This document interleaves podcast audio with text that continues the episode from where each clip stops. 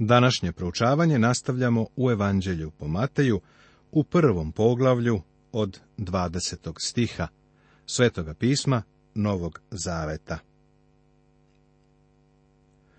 Kada je on to smislio, gle anđeo gospodnji mu se javi u snu i reče Josife, sine Davidov, ne boj se uzeti Marije žene svoje, jer što je u njoj rođeno od duha je svetoga da bi sprečio tragediju, anđeo se javlja Josifu da mu objasni šta se to dešava. Ona će roditi sina i ti ćeš mu dati ime Isus, jer će on spasti narod svoj od grehova njihovih. Ime Isus znači spasitelj. Zvaće se Isus jer će spasti svoj narod od njegovih greha. A sve ovo dogodilo se da se ispuni što je gospod rekao preko proroka koji kaže. Matej, koji piše narodu Izraela, ukazuje na to da se sve ovo tako desilo da bi se ispunilo ono što je rekao gospod. Matej poziva Izrael da razume da ovaj koji je došao mora biti ispunjenje starozavetnog proroštva. Postoji više od tri stotine proroštava o prvom Hristovom dolasku, koja su doslovno ispunjena. Ne znam koliko je njih u Mateju, ali znam da je Matej iz Starog Zaveta citirao više nego ostala tri evanđelja zajedno. Izgleda da on beleži činjenice, a onda ih potkrepljuje iz Starog Zaveta. Njegova namera nije prvenstveno da pruži prikaz Hristovog života, nego da pokaže da je to ispunjenje starozavetnih proroštava o Hristu. Sada on navodi proroštvo koje je dato u knjizi proroka Isaije u sedmom poglavlju u četrnaestom stihu Svetoga pisma Starog Zaveta. Gle, devojka će začeti i rodit će sina i nadenuće mu ime Emanuel, što prevedeno znači sa nama Bog. Pogledajmo ovo za trenutak, jer je vrlo važno. Liberalni teolog naravno poriče činjenicu o Hristovom devičanskom rođenju, a poriču i to da Biblija poučava o njegovom devičanskom rođenju. Otvoreno govorim da mislim da je revidirana standardna verzija Biblije na engleskom jeziku izdata da bi održala neke od tih liberalnih teza. U stvari siguran sam u to, jer jedna od doktrina koju oni poriču jeste devičansko rođenje. U Novom zavetu ove verzije u Mateju čitamo ovako. Sve ovo se desilo da bi se ispunilo ono što je gospod govorio preko proroka, gle, devojka će zatrudneti i rodit će sina i on će se zvati Emanuilo, što znači Bog sa nama. U starom zavetu revidirane verzije sa kopirajtom iz 1952. godine, čitamo, zato će vam sam gospod dati znak. Gle, mlada žena će zatrudneti i rodit će sina. Zapazi ovde da su u proroku Isai reč devojka zamenili u mlada žena. Iako su u Mateju upotrebili reč devojka, a ovaj stih je ispunjenje Isaije. Proroštvo u Isaiji je dato kao znak. Prijatelju, uopšte nije nikakav znak ako mlada žena zatrudni i rodi sina. Kad bi to bio znak, onda bi se ovdje u Južnoj Kaliforniji takav znak dešavao svakoga dana, i to mnogo puta dnevno. Oni su reč preveli se mlada žena, da bi ublažili reč devojka. Pogledajmo kako Isaija u sedmom poglavlju piše u originalnom jevrejskom jeziku. Reč koja se koristi za devojku je Alma. Prevodioci revidirane verzije Biblije su se oslonili na pisanje Genseniusa, jednog izvanrednog učenjaka koji je imao iscrpni hebrejski leksikon. Gensenius je priznao da je uobičajen prevod te reči devojka, ali je rekao i to da se može promeniti u mlada žena. Razlog zbog koga je ovo kazao bio je taj što je on odbacivao ono što je čudotvorno. Tako da su ovaj novi prevod, kao i u sljedeći koji je usledio, pokušali da kažu da Alma znači mlada žena, a ne devojka. Da se vratimo na proroka Isaiju, sedmo poglavlje, i proučimo događaj koji je tu zabeležen. Bilo je to u vreme kada je Ahaz bio na tronu.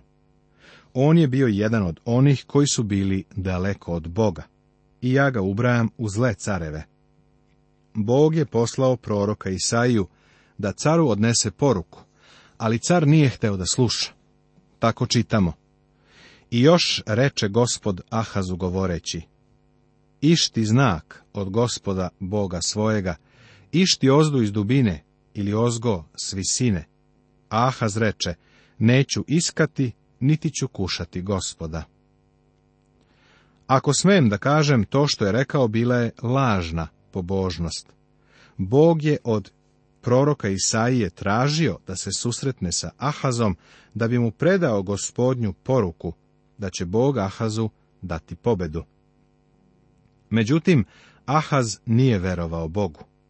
Ali da bi podstakao njegovu veru, Isaija mu kaže da Bog želi da mu da znak ali na svoj super pobožni način Ahaz kaže, o, ja ne bi da tražim znak od gospoda.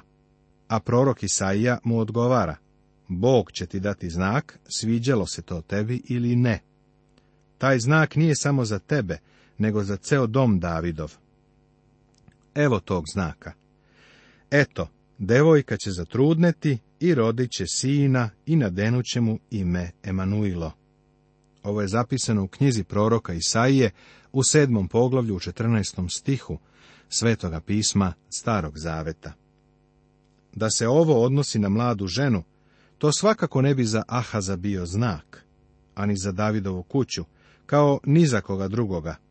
Ali ako devojka zatrudni i rodi sina, to je moj prijatelju znak.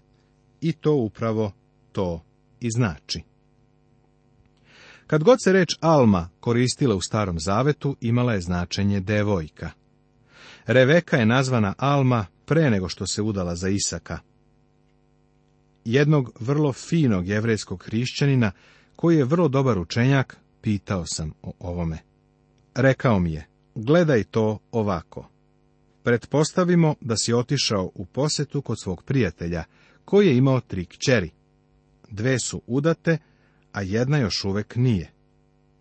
On je rekao, ovo su moje dve udate kćeri, a ova mlada dama je moja treća kćer. Da li misliš da bi pod time mlada dama on mislio prostitutka? Ako bi ti pretpostavio bilo šta drugo, osim da je u pitanju devica, verovatno da bi se ona ljutio. Želim da kažem, ne bih voleo da sam među onima koji odriču devičansko rođenje Isusa Hrista, kad budu morali da uđu u prisutnost Sina Božijeg. Plašim se da će poželjeti da nekako povuku sve ono što su zlo rekli o njemu. Činjenica da reč Alma znači devojka ili devica dokazana je u petoknjižju Mojsijevom. U toku perioda između starog i novog zaveta 72 jevrejska učenjaka po šest iz svakog od dvanaest plemena, radila su dole u Aleksandriji u Egiptu na prevodu jevrejskog starog zaveta na grčki jezik. Kada su došli do znaka u Isaiji, ova sedamdeset dvojica su shvatila da to znači devojka, pa su je preveli na grčku reč partenos. To je ista reč koju apostol Matej koristi u evanđelju. Prijatelju, Partenos ne znači mlada žena, nego devica. Atina je bila devojka boginja grada Atine i njen hram je nazvan Partenon, jer Partenos znači devojka, devica. Jasno je da Božja reč precizno govori šta to znači. Njegovo ime. Zapazi nešto divno. Gle, devojka će začeti i rodit će sina i nadenuće mu ime Emanuil, što prevedeno znači sa nama Bog.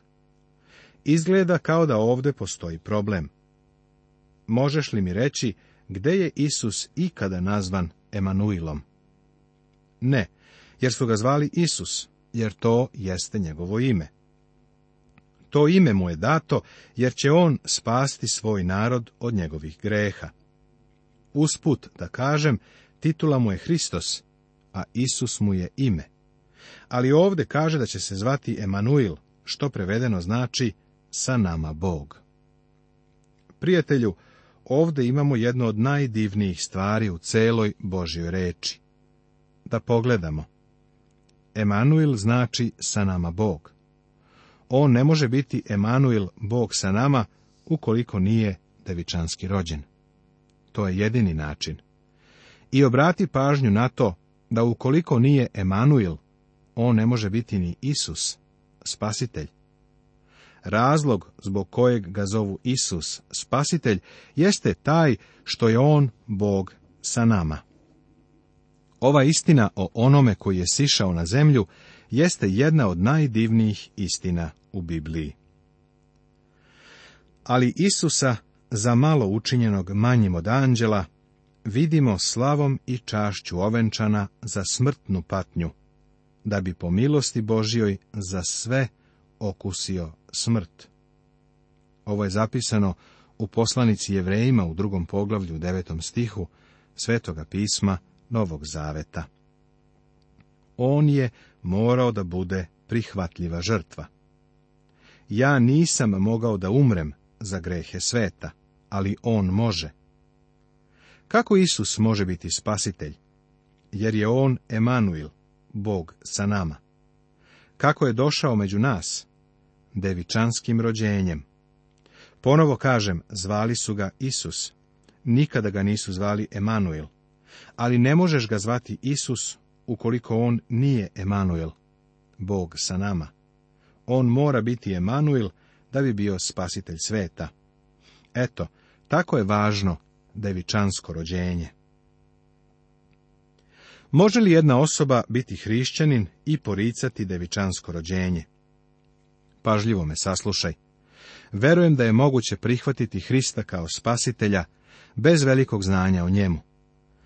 Možeš čak i da ne znaš da ovo piše o njemu u Svetom pismu, ali nakon što si postao dete Božije, nećeš poricati devičansko rođenje gospoda Isusa. To ne moraš znati da bi bio spasen, ali kao Božije dete ne možeš poricati devičansko rođenje Isusa Hrista. Zvučim li dogmatično, prijatelju? Nadam se da zvučim, jer ovo smatram vrlo važnim. Ja želim spasitelja koji je u stanju da dosegne skroz dole i spase i verno na Megija. Ako je on još samo jedan čovek, poput mene, onda neće moći mnogo da mi pomogne. Ali ako on jeste Emanuel, Bog sa nama, devičanski rođen, onda je on moj spasitelj. Da li je danas on tvoj spasitelj? On je uzeo na sebe našu ljudsku prirodu, da bi za nas okusio smrt, da bi podneo otkupljujući smrt na krstu za nas. Poglavlje drugo tema. Posjeta mudraca nakon rođenja gospoda Isusa, beg u Egipat, povratak u Nazaret. Ispunjenje proroštva Sve ovo što se desilo postoji u istorijskom zapisu, ali iza svega toga je izvanredna istina koja nam se saopštava i koju ne želimo da propustimo.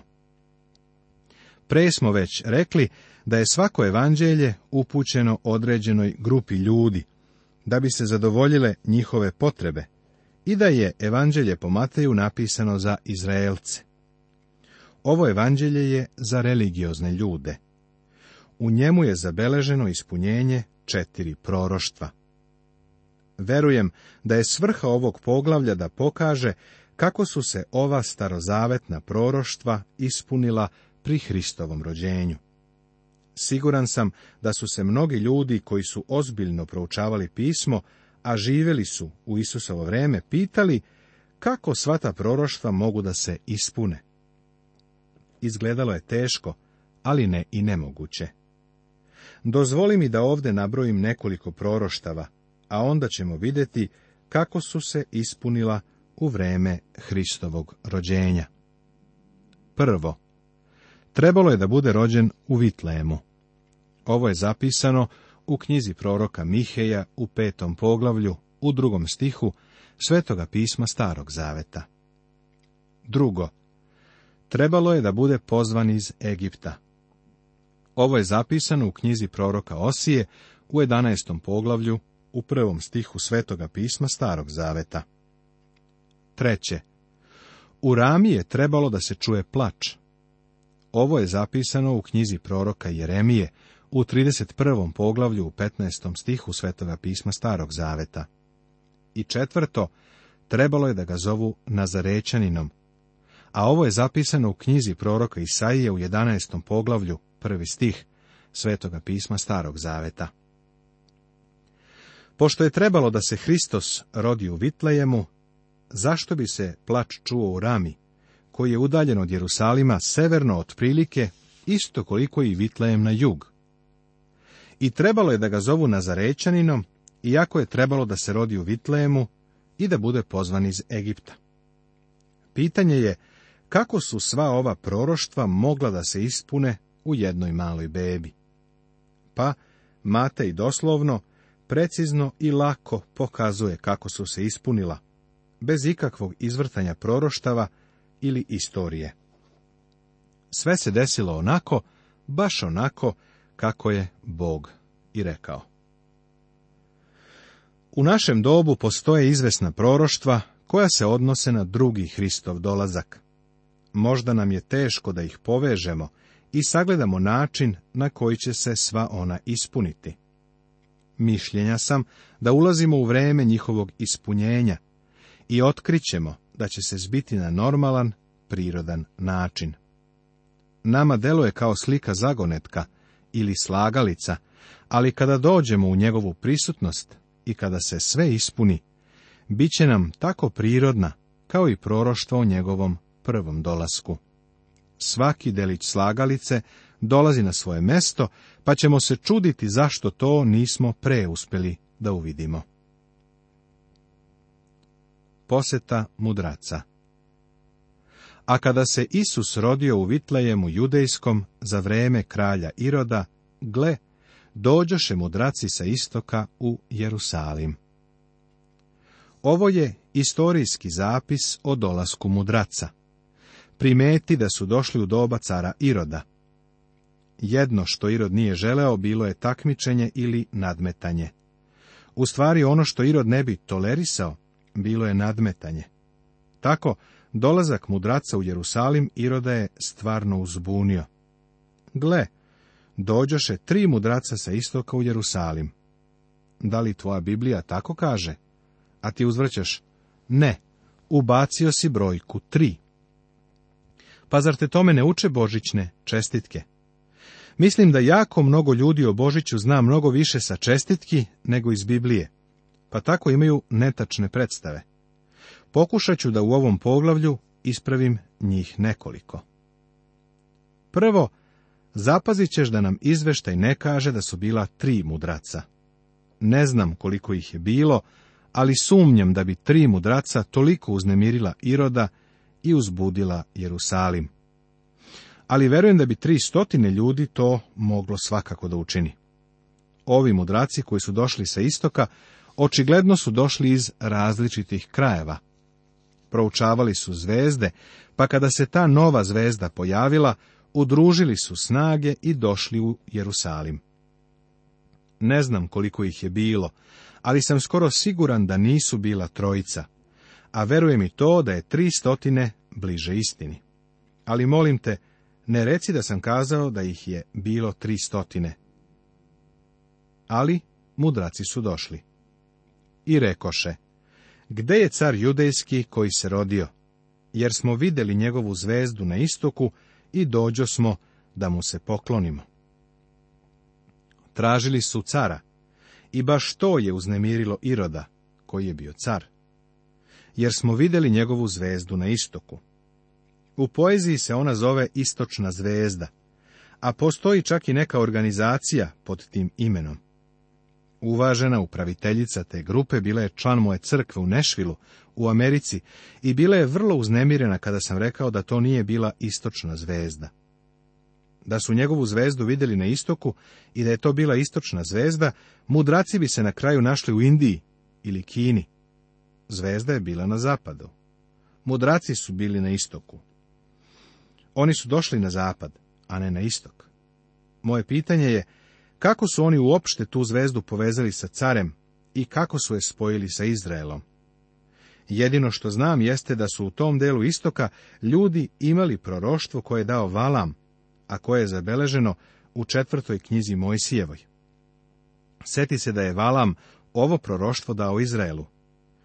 Vidim ga, ali ne sad, gledam ga, ali ne izbliza, izaši će zvezda iz Jakova i ustaće palica iz Izraelja koja će razbiti knezove Moavske i razoriti sve sinove Sitove. Nastavit će se.